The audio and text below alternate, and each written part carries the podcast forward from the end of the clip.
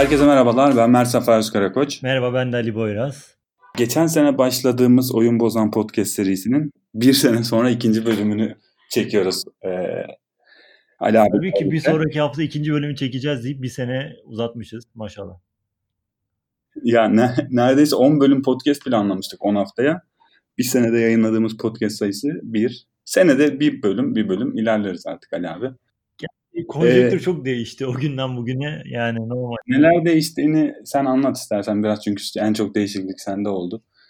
Ee, sonra biraz nasıl devam edeceğimizden bahsedip ikinci bölüme başlayalım. Ee, yani ben e, Dubai'ye taşındım. E, seninle bu podcast serisini planladığımızda aynı ekipteydik. Ama e, aslında bu bir hani ekip iş nasıl söyleyeyim yani bize atanmış proje şeklinde falan değildi. Yani biz neden böyle bir şey yapmıyoruz ki şeklinde bir e, planlama yapmıştık. E, daha sonradan bir 6 ay içerisinde ben başka bir yönetici olarak geçtim. E, ondan sonra orada da bir 6 ay içerisinde bir çok ilginç bir fırsat geldi. E, Türkiye'den ayrıldım, Dubai'ye geldim. E, ya bayağı böyle bir heyecanlı, bir acayip bir e, zaman döngüsünden geçerek son bir yıl içerisinde üç farklı e, görevde bulunabilme şansı yakaladım. E, biraz da o herhalde o şeyden dolayı, e, o konjektürden dolayı podcast serisine devam edemedik ama e, bundan sonra etim, etimiz var yine. Önümüzdeki hafta diyerek yine e, söz vermeyelim de. Şöyle ya şu kurduğumuz sistemle bence çekeriz gibi hissediyorum artık. Yani iyi bir, ve sen Dubai'de ben Üsküdar'da böyle sanki bağlayabiliriz. Ya sanki aynı ee, odadaymışız gibi ilginç bir hava var. Evet evet ya teknoloji çok ilerlemiş. Ya bu Zencast e, Zen, Zencast.com e, iyiymiş. E, evet ilk, ilk bölümden reklamı da aldık. Neyse. E, nasıl devam edeceğiz? Aslında e, bir şeyimiz yok belli bir konseptimiz yok. Mesela bu bölümde neler konuşacağız? Ali abinin Dubai'ye gitmesinden sonra neler değişti hayatında? Bu merak edenler için Dubai'de yaşam nasıl, nasıl iş fırsatları var? Gibi e, daha çok soru cevap şeklinde olacak. Benim moderasyonumda Ali abinin konukluğunda gibi olacak. E, başlayalım istersen Ali abi. Başlayalım. Yani aslında şimdi normalde podcast serisini böyle yapmayacağız. Yani sadece bu bu bölüme özel e, Dubai'de nasıl bir hayat var? Buradaki çalışma şekilleri nasıl? E, burada firma nasıl iş yapıyor? Belki biraz tekniğe de giriyoruz, gireriz bilmiyorum. E, ama yani biraz da insanlar yurt dışına çalışmak için ne yapmalı?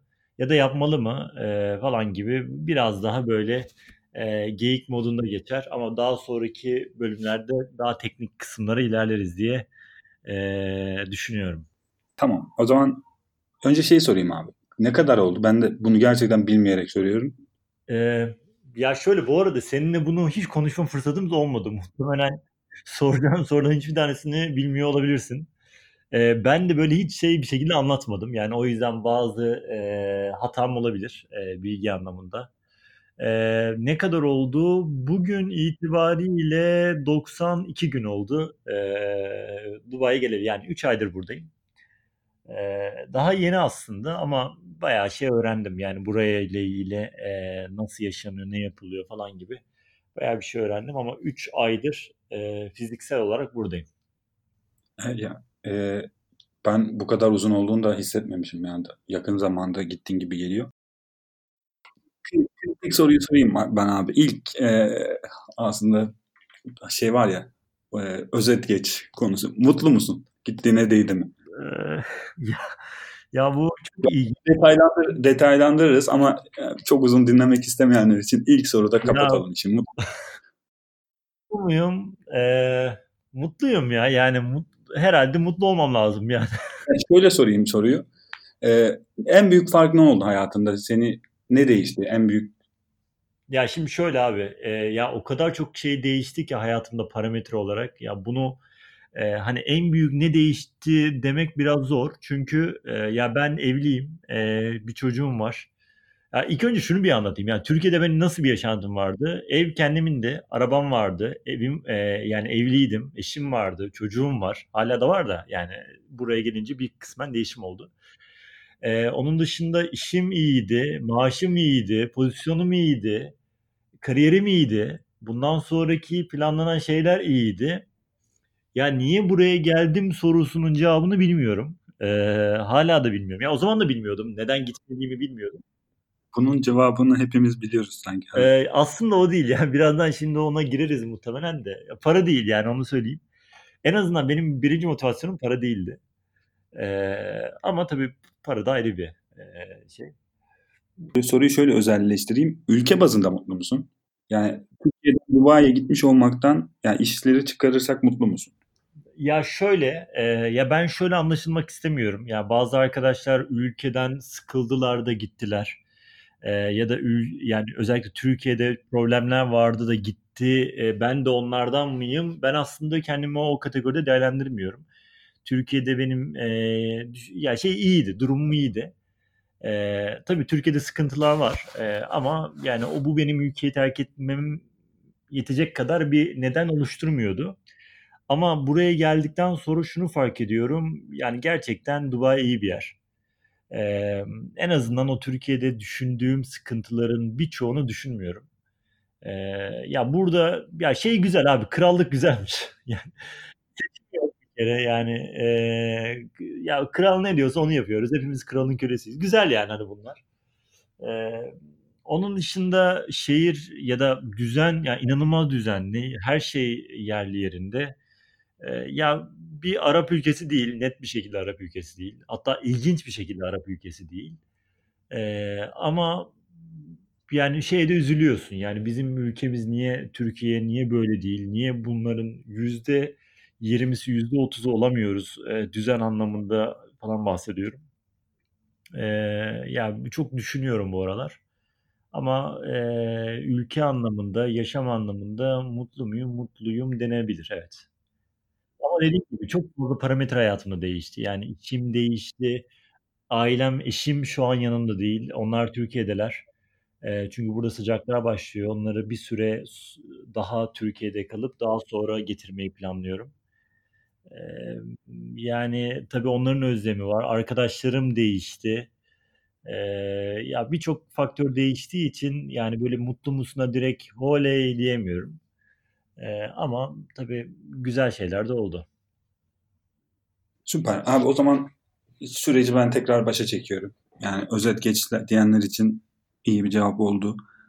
Ee, işi nasıl buldun? Daha doğrusu yani sen mi buldun, sen mi başvurdun, onlar mı seni buldu? Birazcık buradan bir detay bahsedebilir misin? Okey. İstersen bir iş yerinden bahsedeyim ufakça. Olur. Ee, doğru. Nerede, sorularda evet nerede çalışıyorsun gibi bir soruyla başlamam gerekiyordu. Evet. Şimdi e, ben Dubai'deyim. E, Dubai'nin içerisinde Emirates NBD denilen bir banka var. Oradayım. Aslında Emirates NBD Bankası Türkiye'ye biraz e, aşina olabilir. Çünkü Deniz Bank'ı satın aldılar. E, dünyada da bayağı 8-9 tane farklı entiti var. İşte Suudi Arabistan'da, Mısır'da, İngiltere'de, Türkiye'de, e, Singapur'da, e, zaten burada falan gibi e, bayağı farklı yerde aslında ayrı bankası var. E, ve bunları ana merkezden yönettikleri bir yer. Yani aslında tüm IT ve tüm operasyon buradan yönetiliyor. Şu an Denizbank'la ilgili herhangi bir şey yok. Yani bildiğim yok. E, yani o tarafta nasıl işler yürüyecek emin değilim ama diğer tüm entitiler e, buradan yönetiliyor. Yazılım buradan geliştiriliyor. E, bir tane kod bütün entitilerde çalışıyor aslında öyle söyleyeyim. E, ben o bankada aslında e, Senior Solution Architect olarak çalışıyorum. IT tarafındayım. E, daha önceki bankadaki görevim yani Türkiye'deyken ki görevim Kuveytürk'teydim. E, o zamanki görevim e, kurumsal mimari yöneticisiydi. Takım lideri gibi bir pozisyonda aslında. E, buraya sanki bir downgrade olmuş gibi geliyorum. Yani en azından yöneticilikten normal arkitekliğe tekrardan dönüş yaptım. E, ama yani bunu downgrade olarak düşünmüyorum. Farklı alanlar çünkü onlar. Birisi yöneticilik, e, İK'sal işler ya da proje yönetimine bakarken burada e, problemler var. O problemlere e, çözümler üretmeye çalışıyoruz. Yani aslında benim burayla ilgili hiçbir fikrim yoktu. Böyle birkaç tane yerde görmüştüm ama yani tamamen LinkedIn'de gezerken gördüğüm şeyler. Daha sonra Türkiye'den bir e, İK firması aracılığıyla bana ulaşıldı. E, aslında şöyle, bu adamların çok ciddi bir alım yapıyorlar ve Türkiye'den de e, özellikle arkitekleri Türkiye'den getirme gibi bir durumları var. Bunun nedeni de şöyle, e, şu an bu banka bir dijital transformasyon projesinde. Bu dijital transformasyon projesi gereği danışmanlıklar alıyorlar. Ve yanlış bilmiyorsam, tabii bu şehir efsanesi de olabilir emin değilim ama e, bildiğimi anlatıyorum. E, McKinsey'den danışmanlık alıyorlar. Ve McKinsey diyor ki e, eğer arkitek alacaksanız diyor Türkiye'den alın diyor. Yani biraz şehir efsanesi gibi. E, onlar da Türk olabilir mi orada? Anlamadım. Orada Türkler çoksa bu efsaneyi onlar yaymış olabilir mi? Şöyle e, emin değilim. Yani ama şöyle sadece benimle beraber 6 tane Türk geldi arkitek olarak. E, ya, yani özellikle bizim de şu an müdürün e, ya da buradaki yöneticilerin e, ısrarla Türk istemesi ona bağlı olabilir. Emin değilim ondan. Ama bir şehir efsanesi de olabilir. E, neyse. E, bu adamlar aslında Türkiye'deki bir İK firmasına diyorlar ki bize adam bulun diyorlar. E, Türkiye'deki İK firması da beni LinkedIn'den buluyor. Ben herhangi bir şekilde başvurmamıştım aslında. Böyle bir, bir şey var düşünür müsünüz diye. E ben de o zaman yönetici olduğum için ya bakayım bu mülakatlar nasıl oluyor, bu adamlar süreci nasıl ilerletiyor falan diye aslında olaya girmiştim. Beklemediğim kadar profesyonel bir mülakat sürecinin ardından ki yani mülakat süreci ardından diyorum ama e, bir tane teknik sınava giriyorsun. E, ondan sonra bir telefonla bir mülakata girdim. Sonra Skype'la bir mülakata girdim. Tabii onun öncesinde başka İngilizce mülakatlar falan vardı. Onları geçtim. Daha sonra, eee, İK mülakat yaptı, onları geçtim falan. Bayağı böyle bir 5-6 defa, sürekli mülakat mülakat, yapıyorduk. Bayağı da ciddi teknik sorularla karşılaşmıştım özellikle, burada. Yani ben biraz şey bekliyordum, hani buradaki bankalar herhalde gideriz, yatarız falan diye düşünüyordum. Lakin öyle değilmiş. Olay biraz daha farklıymış. Eee daha sonra işte öyle öyle süreç ilerledi aslında. Eee, ve şeye gittik yani bu Dubai'ye, eee, geldik. Süreç bayağı 2-3 ay sürdü. Benim ve şunu da söyleyeyim bu arada. Ya o zamanları hatırlarsın hiç böyle buraya gelme gibi niyetim yoktu yani. Süreci göreyim, en son maaşı duyayım, sonra vazgeçeyim falan gibi bir şey vardı. Ama olay öyle bir ilerledi ki ya bir kendimi burada buldum yani aslında. Hani öyle de çok gelme şeyinde değildim. Hatırlarsan o ara şöyle, şunu bir söyleyeyim.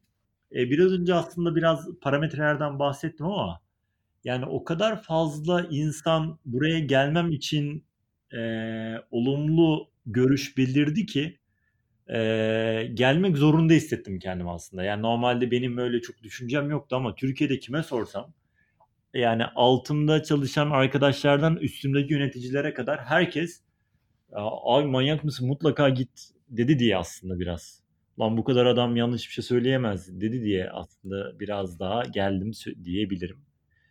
Ee, şu anda işte Solution Architect, Senior Solution Architect olarak e, çalışıyorum. Burada bir mikroservis dönüşüm var. O mikroservis dönüşümü e, projesinde e, özellikle core banking tarafındaki e, arkitektim diyebiliriz. Ya iş, iş detayını soracağım tekrar da e, mülakat bir sürü mülakat söyledin ya. Hiç, bunlardan biraz daha tek şey bahsedebilir misin? Mesela e, en azından. Şimdi bahsedeyim. Ee, şimdi hangi bilgileri vermem gerekiyor? Ya bu arada lütfen sor. Hani şey e, şey yap detaylandırayım yani sıkıntı yok. Ee, şimdi öncesinde bir teknik sınava girdim. Daha daha yani en başta. Ya bu arada en başta Türkiye'deki İK firması da birkaç böyle teknik soru sordular ama onların şeylerini geçiyorum. Yani onlar e, muhtemelen e, ezberledikleri birkaç tane soru var. Onları sorular. Çünkü e, o konuştuğumuz arkadaşlar teknik tarafta değildi. İK'sal arkadaşlardı. Ama ondan sonra sınav gönderdiler. Sınavda böyle daha çok e, yani hem algoritma sorusu, iki tane algoritma sorusu vardı ve bildiğin kod yazıyorsun. Yani bir senaryo var. E, atıyorum yani şimdi nasıl anlatayım? E, işte adam sana şey, ya bu basit bir örnek ama böyle değil. Ama mantığı anlatmak için söylüyorum. Asal sayıları anlatıyor asal sayıların tanımını bahsediyor ve bunun kodunu yaz diyor sana. Öyle düşün. Ee, işte hangi dille yazarsan yaz bunu o anda e, run ediyorsun. Sonuçlarına bakıyorsun falan. Böyle problemler vardı iki tane. E, bayağı ciddi zaman aldı onlar. E, onun dışında üniversite sınavında bu sordukları şey soruları oluyordu ya hani üç tane şekil veriyor. Dördüncü şekil hangisi olmalıdır gibi böyle mantık mı diyeyim, zeka mı diyeyim. Hani böyle bu tip sorular vardı. E, felsefik sorular falan da vardı. İşte bilmem ne şuysa bu nedir falan gibi. E, daha da ya bir sonraki şey ise mikroservislerle ilgili çok ciddi sorular vardı aslında. E, özellikle işte PaaS'la ilgili, IaaS'la ilgili falan bayağı ciddi teknik çoktan seçmeli sorular vardı. Aslında 3 bölümden oluşuyor. Mantık sorusu, algoritma sorusu ve mikroservis soruları. Ee, bu yani özellikle Cloud Native ile alakalı, işte 12 Factor App ile alakalı, e, mikroservisin mantığıyla alakalı, e, teknolojilerle alakalı birçok soru vardı. E, böyle yani kaç soru vardı? 120 dakikaydı ama herhalde bir 70-80 tane soru vardı. E, ama iki tane soru da algoritma hani öyle düşünürsek. Evet, Aslında şey yazılım yazılım mimarının sözlük tanımını pratiğe dökmüş adamlar Kesinlikle sanki. Kesinlikle öyle. Yani tam olarak aslında bir yazılım mimarı, solution architect neleri bilmesi lazım, nelere ihtiyacı varın sınavını e, oluşturmuşlar. Zaten bu sınavı da muhtemelen danışmanlık aldılar, oradan oluşturdular. Ee, yani sınav bana profesyonel gözüküyordu ama buradaki arkadaşlar şey dediler yani bazı internet sitelerinden alınmıştı falan. Ama ben e, yaparken hiç internet sitesini check etmemiştim. Google check etmemiştim. Yani o yüzden biraz zorlanmıştım ama e, yani check etsek herhalde daha yüksek not alabilirdim. Yani e, o da bizim gururumuz olsun diyeyim abi öyle olsun. Bayrakları atalım aynen. Yani, ama ciddi şunu, zorlandım yani aynen. Ya şimdi e, bir taraftan teknik şeyi güzel, süper yani ben de çok beğenmiştim zaten buradayken girdiğim süreçleri takip ediyordum. Bir de e, ya bu aynı zamanda bir kültürel de bir uyum gerektiriyor ya daha bu bahsettiğin konuların bir de bunları bilmek var bir de bu kültüre uygun yaşamak. Böyle bir mülakat tarzı ya mülakatta bunu da ölçtüklerini fark ettin mi sen? Kültürden kastın teknik kültürden bahsediyorsun değil mi? Ya evet ekosistemdeki işte şey e, bu okay. takım ya, falan. Abi şöyle aslında ee, yani bunu ölçtüler mi? Ya bazı sorular e, o noktaya çekilebilir. Ama e, hiçbir yani yazılı sınav ya çok zor yazılı sınavdı bunu anlamak. Fakat onu şeyde yapıyorlar. E, ondan sonra sözlü mülakata girdik.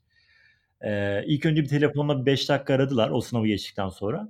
O 5 dakika içerisinde 10 dakika falan aslında 10 dakika içerisinde muhtemelen İngilizceye bakıyorlar. Çok temel seviyede mikroservis nedir, bilmem ne nedir gibi böyle çok temel seviyede sorular sordular. Eğer onu geçersen bir saate yakın Skype görüşmesi yaptık. Ee, şu anki müdürümle aslında. Bu arada şu anki müdürüm de ben normalde böyle beklemiyordum. Yani adam e, buradaki ender lokallerden, ender lokallerden kastım şu, e, birazdan detaya gireriz ama burada çok az e, şey var aslında, Arap var. E, o çok azlardan bir tanesi benim müdürüm. E, Emirati, lokal yani bu adam. E, yani ben bu adamı bu kadar teknik beklemiyordum açıkçası. İnanılmaz bir teknik adam. Yani birçok şeye hakim. Hala da şaşırıyorum yani adamla konuşurken falan. Hem business anlamında hem de teknik perspektif anlamında maşallah kendini bayağı geliştirmiş. Ee, bir saat yakın Skype'da mülakat yaptık. Orada aslında e, bu şeye kültüre adapte olup olmadığımı, daha öncesinde böyle bir tecrübem olup olmadığı çek işlemini gerçekleştirmişti diyebilirim. Ee, ama tabii bunu anlamak biraz daha zor. Ya da istediğim kadar ben buna okeyim diyeyim. Buranın kültürü bambaşka. Yani evet şu an yeterli bir cevap olmuştur diye düşünüyorum. Ben tatmin oldum. Ee, ya e, az önce gelen ses sana geldi mi bu arada onu sorayım. Bana geldi. Bana bir bilgisayar ya bilgisayarımda şeyleri açık unutmuşum da. Sen, sana da bu arada bir bildirim geldi onu da ben duydum. Neyse bunları silebilirsem silerim. Ee, ya kültürü sorduk. Bir şeyi soracaktım. Ee, ya mesela Türkiye'de yaşayıp yurt dışına gitmek isteyen çoğu insanın şey, en büyük korkusu dil. Bu mülakat ya dil de aslında orada yaşamak için gerekli dil değildi. Mülakatlardaki dilin akıcılığından ya ben mesela bir mülakata girsem ne, ne derece akıcı konuşabilirim çok kestiremiyorum. Yani ne gerçi sen uzun süre yurt dışı tecrüben de var ya galiba. Şimdi orada şöyle bir durum var abi. Onu bir hemen bir şey yapayım. Ee, şimdi öncelikli olarak Dubai için şey yapayım. İnsanlar Dubai genelde Arap ya Arap ülkesi de hani Arapça konuşuluyor mu falan ya da e, Arapça bilmeden nasıl gidiyorsun gibi sorular gelmiş akrabalarından. E, abi buranın Arap'la alakası yok yani hani e, hatta şunu iddia ediyorum ben sadece Arapça bilsen Dubai'de zor yaşayabilirsin. Eee, çünkü halkının eee, sadece yüzde toplam Birleşik Arap Emirlikleri'nin sadece yüzde 12'si buranın lokali. Geri kalan hepsi yabancı. Yani bunu yüzde 20 desem maksimum yüzde 80'i yabancı. Bu da aslında şehrin komple yabancılar için dizayn edildiği anlamına geliyor. Bu da ana dilin aslında İngilizce olduğu anlamına geliyor. Ee, o yüzden İngilizce burada ana dil. Yani herhangi bir şekilde Arapça bilmene, anlamana falan hiç gerek yok.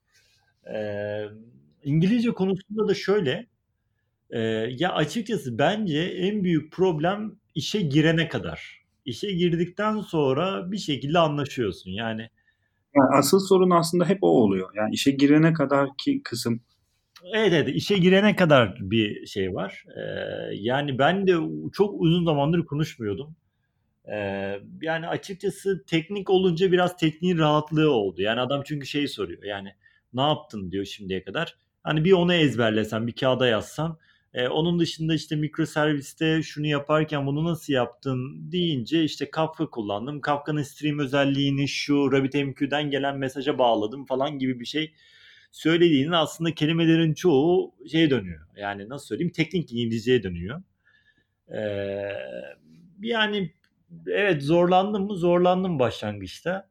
Ama açıkçası beklediğim kadar da zor geçmedi. Ee, yani bence e, nasıl söyleyeyim handle yani bu yönetilebilir gibi geliyor bana.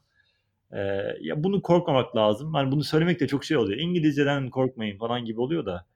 Ee, ama ya o kadar da beklenin yani adamla gidip bir TOEFL İngilizcesi vermiyorsun. Hani o biraz daha kolay. Çünkü karşısındakinin de bu arada en büyük avantajı şu. Karşısındakinin ana dili İngilizce değil aslında. Yani o da Arap evet. için yani e, bir şekilde anlaşıyorsunuz. E, ya bu biraz şey nasıl söyleyeyim yani senin kendinde biten bir şey.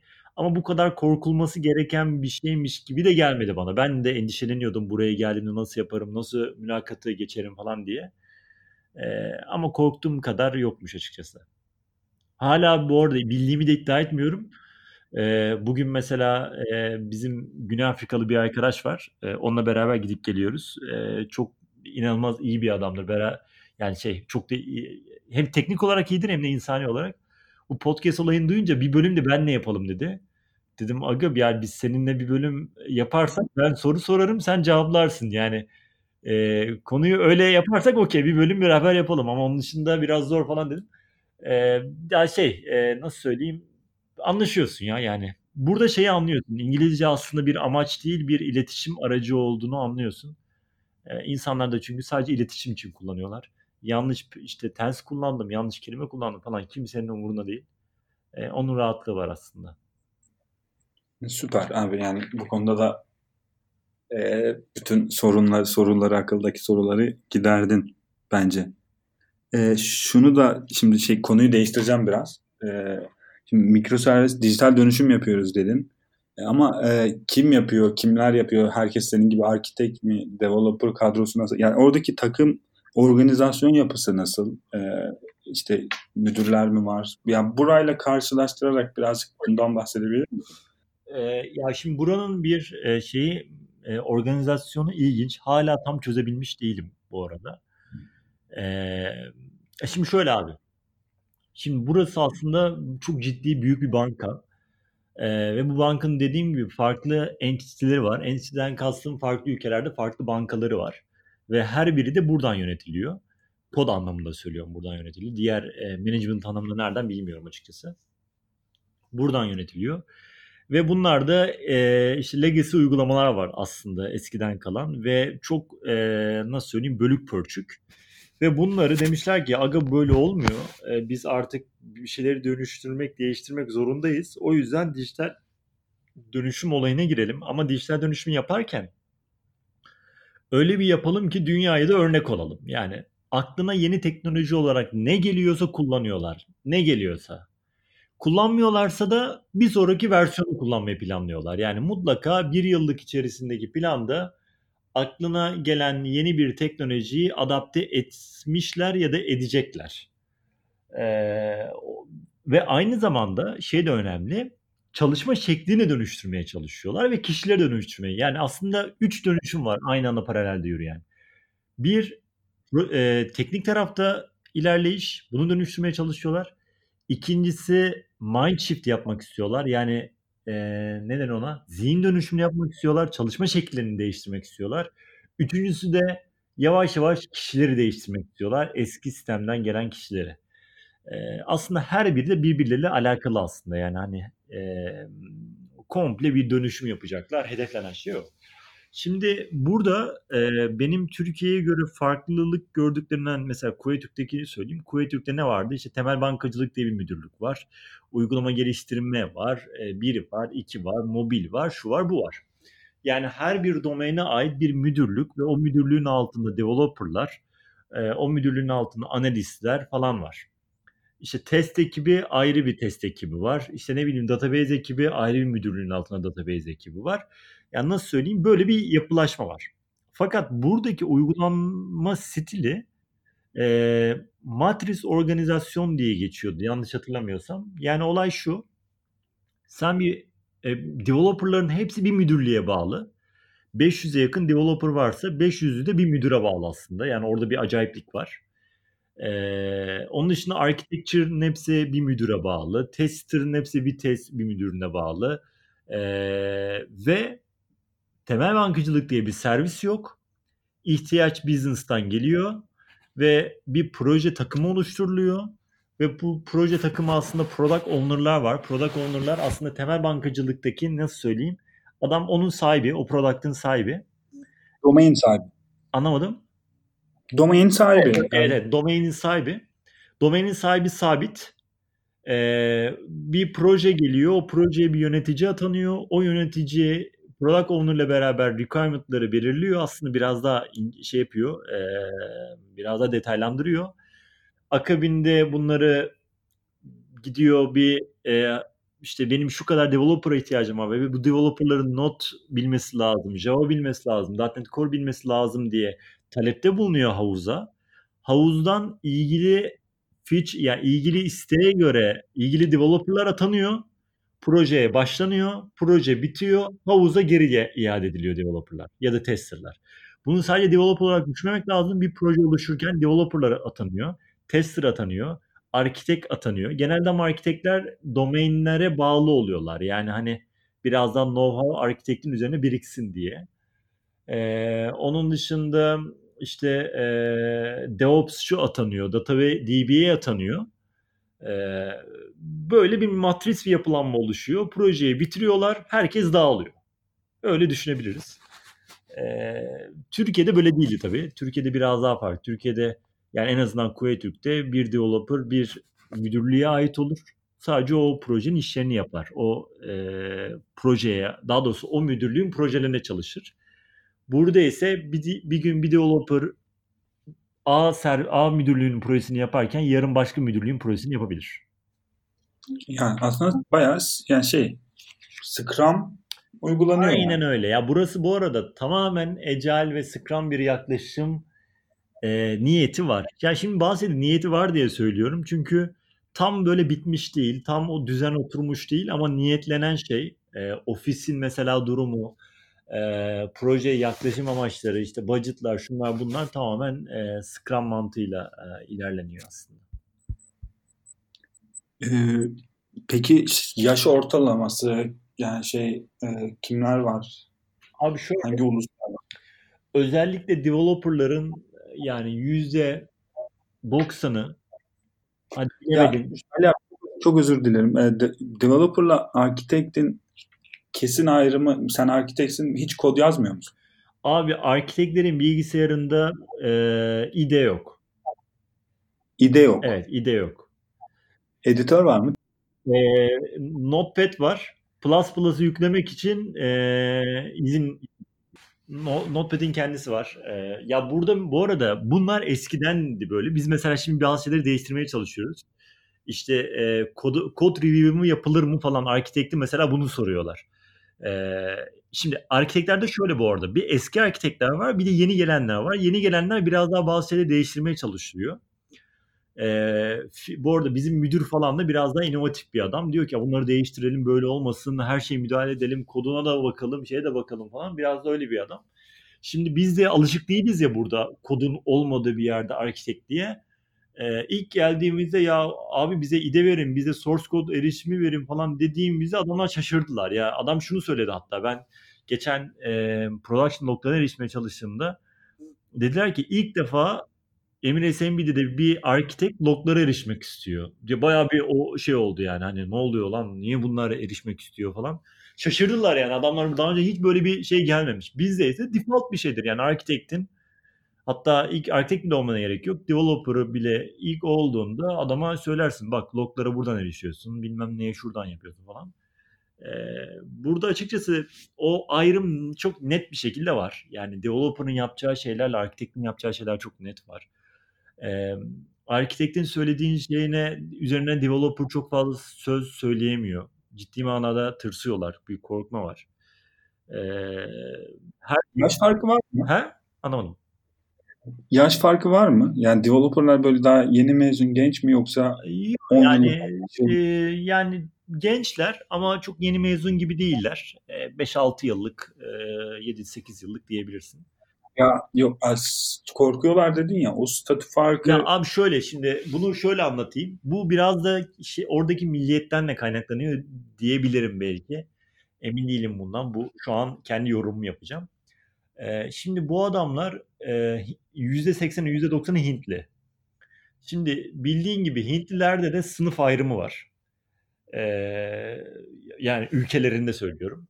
Sınıf ayrımı var ve bu sınıf ayrımını burada hisset, hissediyorlar. Yani mesela bir Hintli e, diğer bir Hintliye özellikle seviye olarak yukarıdaysa eziyor burada.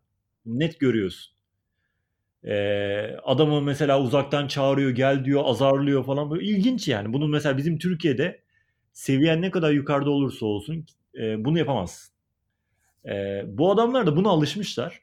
O yüzden senden sevi senin seviyenden yüksek bir seviyede bir adam gördüğünde böyle bir şey yapıyorlar yani e, tırsıyorlar mı diyeyim. Böyle bir acayip bir şeydeler. Mesela bir şey söylüyor. Mesela geçenlerde oldu. Bir e, solution için bana geldiler. Ben adamın fikrin senin fikrin ne dedim. Pardon ben öyle bir şey söylemedim. O bir anda ben bir şey söylerken ben yanlış bir yola gidiyordum. O konuyu bilmediğimden, business'ı bilmediğimden. Adam beni düzeltti. Ama ondan sonra benden 2-3 defa özür diledi. Ya ben aslında şey yapmak istemedim falan. E, müdahale etmek istemedim falan diye özür dilemeye başladı. E, böyle ilginçler yani hani hemen özür diliyorlar. E, böyle. Ne, ne?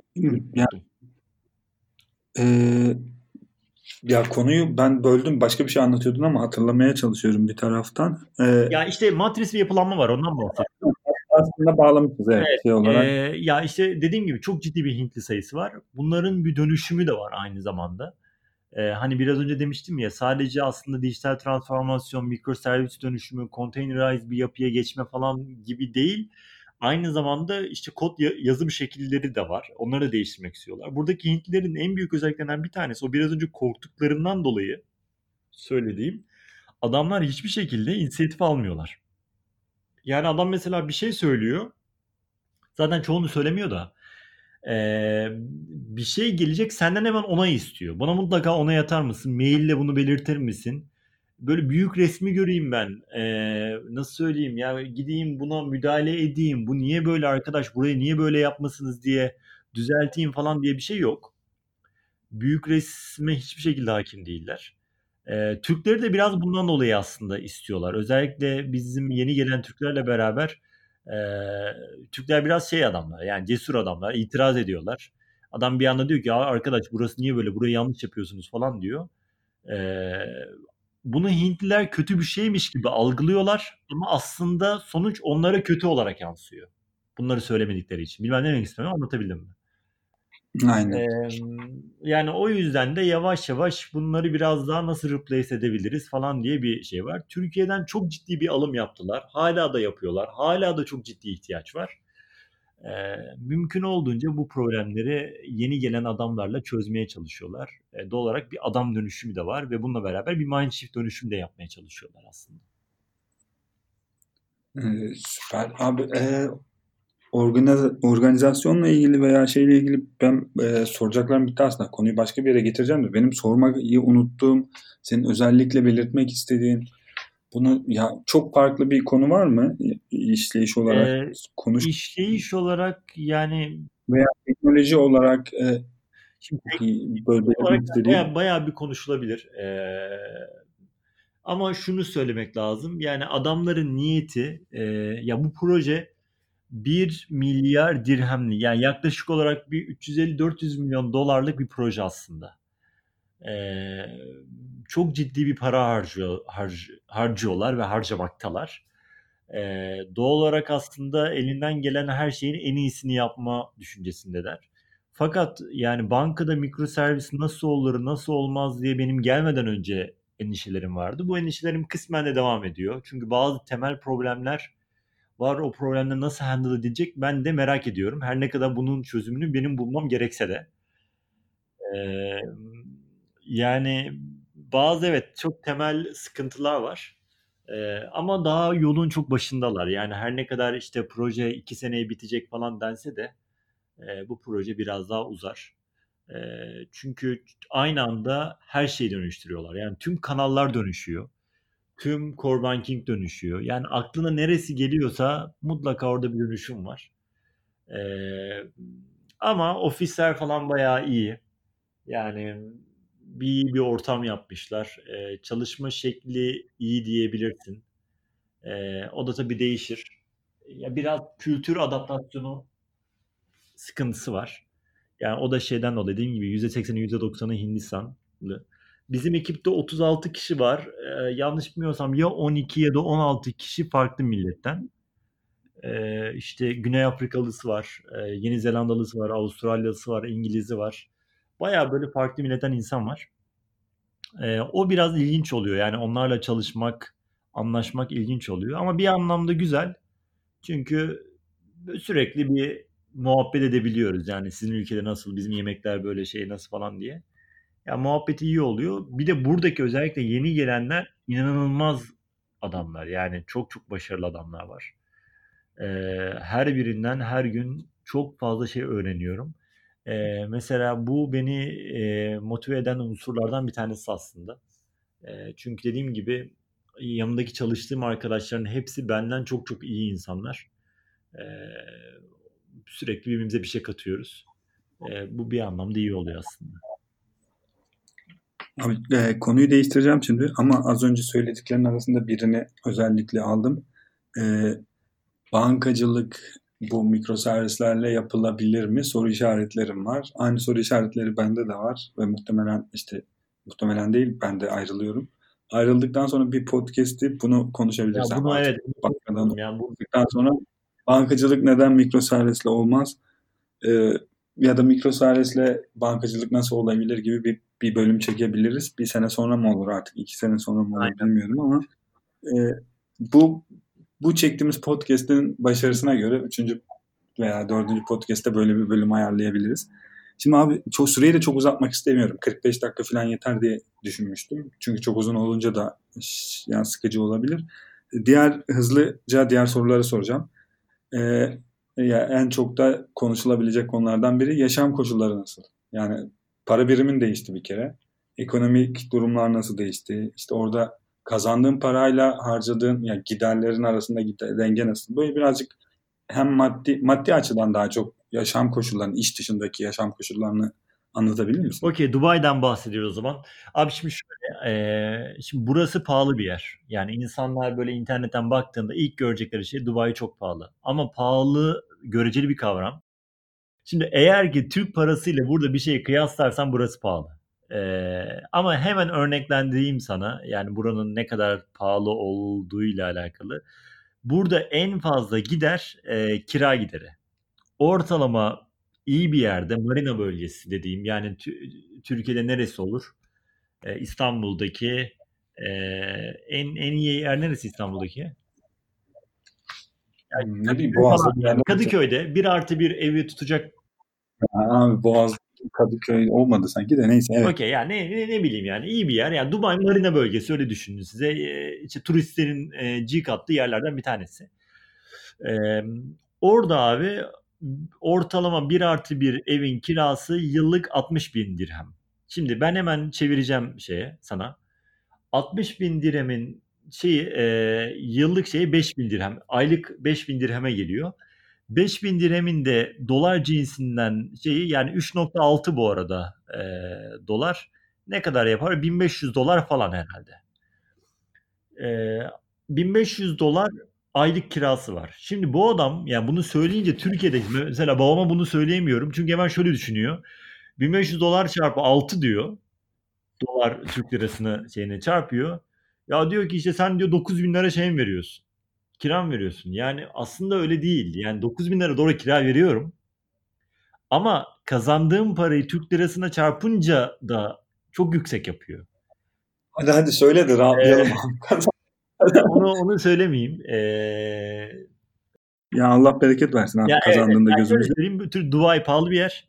Ama buranın maaşıyla düşün, kazanıyor. düşünüldüğünde çok da pahalı bir yer değil. Ve burada bazı şeyler de çok ucuz. Yani mesela araç manyağıysanız burası inanılmaz bir yer. Ee, onun dışındaki diğer şeyler çok pahalı değil. Yani pahalı değil diye ben şöyle yapıyorum. Ee, Türk lirasını çevirme, dirhem buranın para birimi. Dirhem olarak bakılırsa neredeyse şeyle birim anlamında aynı birim. Yani 15 birimi aldığın Türk lirasıyla aldığın bir 15 TL'ye aldığın şey burada 15 dirhem gibi düşünebilirsin. Ya da 20 dirhem yani. Ee, ama onun dışında kazandığın şey de yüksek olduğu için e, para biriktirmek için iyi bir yer. Ama e, iyi de harcama yapıyorsun tabii. Onu da göz ardına göz ardı etmemek lazım. Yani sonuç olarak ekonomik olarak her türlü kardayım diyorsun. Tabii, her türlü karda olursun. Hele burada biriktirdiğim Türkiye'ye dönersen. En büyük şeylerden bir tanesi hayat kalitesi çok yüksek burada. Yani işte araç dediğim gibi araç alma, iyi bir evde oturma, ya bir villada oturayım diyebilirsin çok rahat hiç şey yapmadan. Ee, en iyi arabalara binebilirsin. Onun dışında yeme içme konusunda zaten hiç sıkıntı yok. Dünyanın yani biraz önce söylediğim ya çok yabancı olduğu için burada her türlü ülkenin yemeğini bulabiliyorsun. Türkler dahil.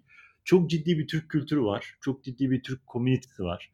Hem bankada var hem Dubai'de var. Yani hayat kalitesi çok yüksek. Ee, mesela atıyorum yollar alt şey 8 şeritli yollar var. 6 mı? Değil 8 mi? 6 ya da 8 şeritli yollar. Ya şimdi mesela trafik oluyor mu diyorlar. Çok nadir oluyor. Ama 8 şeritli yol olduğu için ne kadar araç olursa olsun bir şey fark etmiyor abi. Yol her zaman akıyor. Ee, ama Türkiye'de sen işte bir yerden bir yere gitmek için en az bir saatini veriyorsun ve bir saatlik mesafesi İran'dan yakın bir yerdeyiz falan diyorsun. Ee, burada işte plajların ne bileyim yapacağın aktivitelerin e, şey yok aslında yok yani inanılmaz fazla e, aktivite yapabiliyorsun. yok da oraya uygun olmadı da. Neyse. Evet. Ee, şey abi 45 dakika oldu. Şimdi son iki soru sorup kapatacağım. Şimdi şeyler var mı? Oraya giderken halletmen gereken ya da oraya gittikten sonra halletmen gereken zorunluluklar işte oturma izni, çalışma izni. Ya bunu işte böyle şey gereken birçok şey var. Yani bunu e, hani konuşabiliriz ama şunu söyleyeyim zaten firma her şeyi hallediyor. Ama tabii sana vizeni gönderiyor. Ondan sonra buraya geldikten sonra işte oturma izni veriyor. E, şunu söyleyeyim burada hiçbir şekilde şey vermiyorlar. Vatandaşlık vermiyorlar. E, yani doğal olarak sen burada 50 yılda kalsan senin burada çocuğun da olsa vatandaşlık vermiyor. E, doğal olarak buranın en büyük esprisi inanılmaz güvenli bir şehir bu arada. Dubai'yi mesela bana anlat desen iki tane sıfat kullanırım. Birisi güvenli, birisi düzenli. İnanılmaz güvenli ve düzenli bir şehir. E, mesela burada insanlar ben şöyle bir anı anlatayım. Arabayı ilk aldığımda e, arabayı istop etmeyi unutmuşum. 8 saat araba çalışmış öyle. E, ve bunu geldikten sonra anladım. Yani bir geldim araba çalışıyor. E, anahtarsız çalışıyor araç. Anahtarı da içine unutmuşum. E, düğmeye de basmayı unutmuşum. E, start stop'a. Yani o araba çalışmaya devam ediyor. Burada bir çalma, bir bilmem ne. İnsanlar evlerine kitlemiyorlar burada. Bizim bir tanıdık var. Adam evin anahtarının nerede olduğunu bilmiyorum diyor. E, acayip bir yer yani hani güvenlik anlamında efsane güvenlikli bir yer. E, o yüzden de adam bunu koruyabilmek için şunu sağlıyor. Diyor ki buraya gelenlerin her biri oturma iznini çalışma iznine bağlamış. Yani sen bir firmadan ayrılırsan iki ay içerisinde iş buldun buldun bulamadın ülkeden seni gönderiyor. E, o yüzden de herkes iş güç sahibi burada. E, Birçok şeyde devlet hallediyor ve bu şunu da söyleyeyim devlet inanılmaz dijital bir devlet. Yani e, ne bileyim yani sen bir oturum için başvurduğunda uygulama üzerinden takip edebiliyorsun. Her şey uygulaması var bu arada. Uygulamanın ne kadar abuk kullanıldığını şöyle anlatayım sana. Mesela benzin almak istiyorsun ama benzin istasyonu bulmak bu arada burada az. Yani benzin istasyonu az. Ee, bir de genelde az olduğu için de şey oluyor, trafik oluyor. Ee, bir tane mobil uygulama var burada. Ee, çağırıyorsun. Adamlar tankerle geliyor evine. Benzinini dolduruyor. Paranı işte sen otomatik ödüyorsun. Devam ediyorlar. Yani hani o yemek sepetiydi bilmem neydi falan onları geçiyorum. Hani e, benzin hizmeti var öyle düşün. Çok ilginç. Ya böyle, ab, ya bunu burayı gerçekten görmek lazım. Ya adamlar bazı şeyleri öyle bir yapmışlar ki ya oha diyorsun abi buna ne gerek var? Yani mesela geçen bir halı sahaya gittik. Indoor bir yani burada yazın çok sıcak olduğu için kapalı alanlarda halı sahalar. Abi yani nasıl söyleyeyim cevahir ve 3 tane 4 tane cevahiri yan yana getir. E, ya da Türkiye'de en büyük AVM neresi bilmiyorum da. Yani 3-4 katını bir AVM düşün kapalı alan tamamen. Adamlar halı sahalar, basketbol sahaları, tenis sahaları bilmem ne komple spor kompleksi yapmış. İnanılmaz bir yer yani görmen lazım.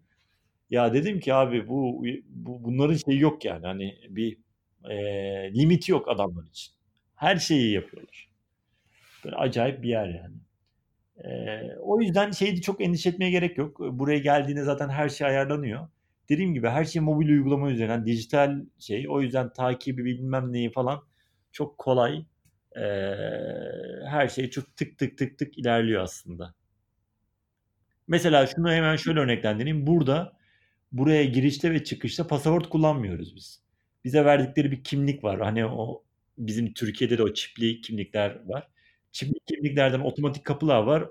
İşte koyuyorsun, senin yüzünü tarıyor, geçiriyorsun. Türkiye'de de Sabiha Gökçen'i koymuşlar daha çalışmıyor herhalde ya da başlamamıştı galiba. E, pasaport burada hiç kullanmana gerek yok yani. Hani ülkeye giriş çıkışta bile. E, o kimliklerle adamlar tamamen düzeni ona göre kurmuşlar.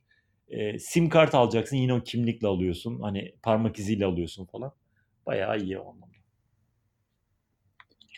Abi son sorum aslında neleri özledin ama pek bir şey özlemiş gibi anlatmadım. Ya, sorsam mı? Yok yok. E, Var mı Ya çok e, abi Türkiye yemeklerini ciddi özledim. Burada her ne kadar Türk yemekleri olsa da e, yani bir o bir e, bir orijinal kebap havasını vermiyor.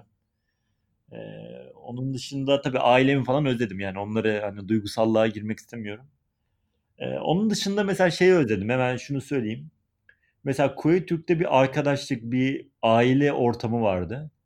Ee, ya burada onu çok yaşayamıyorum. Yani o biraz daha insanlar yabancılar, farklı kültürler. Yani herkes çok iyi insan, iyi arkadaşlar, yardımseverler ama ya sonuçta Türkiye'deki gibi olmuyor. Bir aile hissiyatı yok.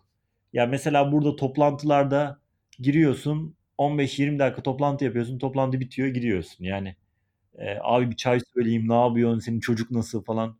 E, o alıştığımız muhabbetler fazla yok.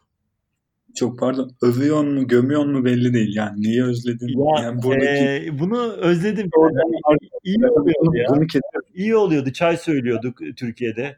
Abi ne haber, nasıl gidiyor, çocuk nasıl falan orada. Tamam, samimiyet, sıcaklık falan diye geçiştirelim. Çok detayları toplantı odasından bilmem evet, 10 dakika konuşalım. Ama öyle bir şey var toplantı odasının ile ilgili. Bu iyi bir şey. Ben bunu iyi bir şey olarak anlatıyorum. Ben bunu özlüyorum yani. Yani o ha, sen, sen, sen özlüyorsun da burada kalanlar bunu pek severek şey yapmıyor olabilir. Neyse. Evet. Yapmaları lazım.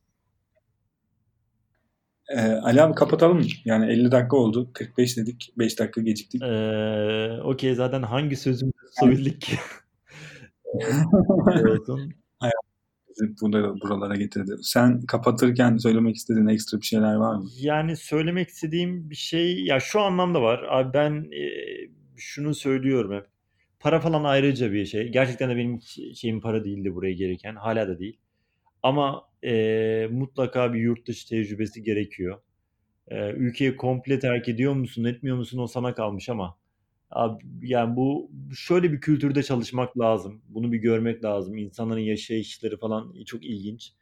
Bunu bir anlamak lazım. Özellikle bekar arkadaşların, evli olanların da eşleriyle gelmesini kesinlikle tavsiye ediyorum.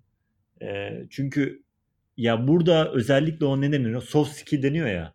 Ya o soft skill e, çok farklı. Yani o soft skill'den kastım da şu. İşte toplantı nasıl yapılırdan tut da bir ev nasıl tutulara kadar. Çünkü buraya geldiğinde hani o Moskov'un Moskov muydu o? Bir tane piramit vardı.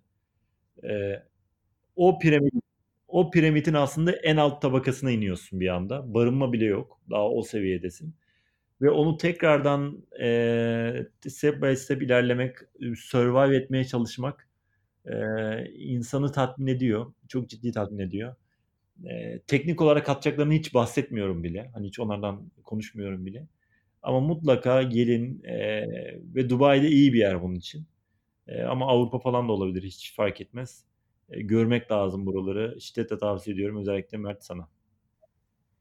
Şu an farklı bir şey başlıyor. Neyse e, kapatalım o zaman. Teşekkürler Ali abi cevapladığın için. Görüşürüz. Ee, yani bana ulaşmak isteyen arkadaşlar da e, LinkedIn'den e, ulaşabilirler.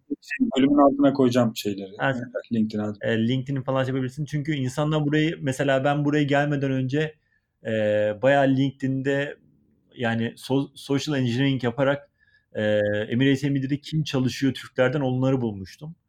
Ee, sağ olsun yardımcı olan arkadaşlar vardı. Bayağı anlatmışlardı. Çok faydalı olmuştu. Hani gelmeye niyeti olan ya da acaba olur mu diyecek olan varsa e, elimden geldiğince yardımcı olmaya çalışırım. Tamamdır o zaman. Ee, görüşürüz. Görüşmek üzere. Hoşçakalın.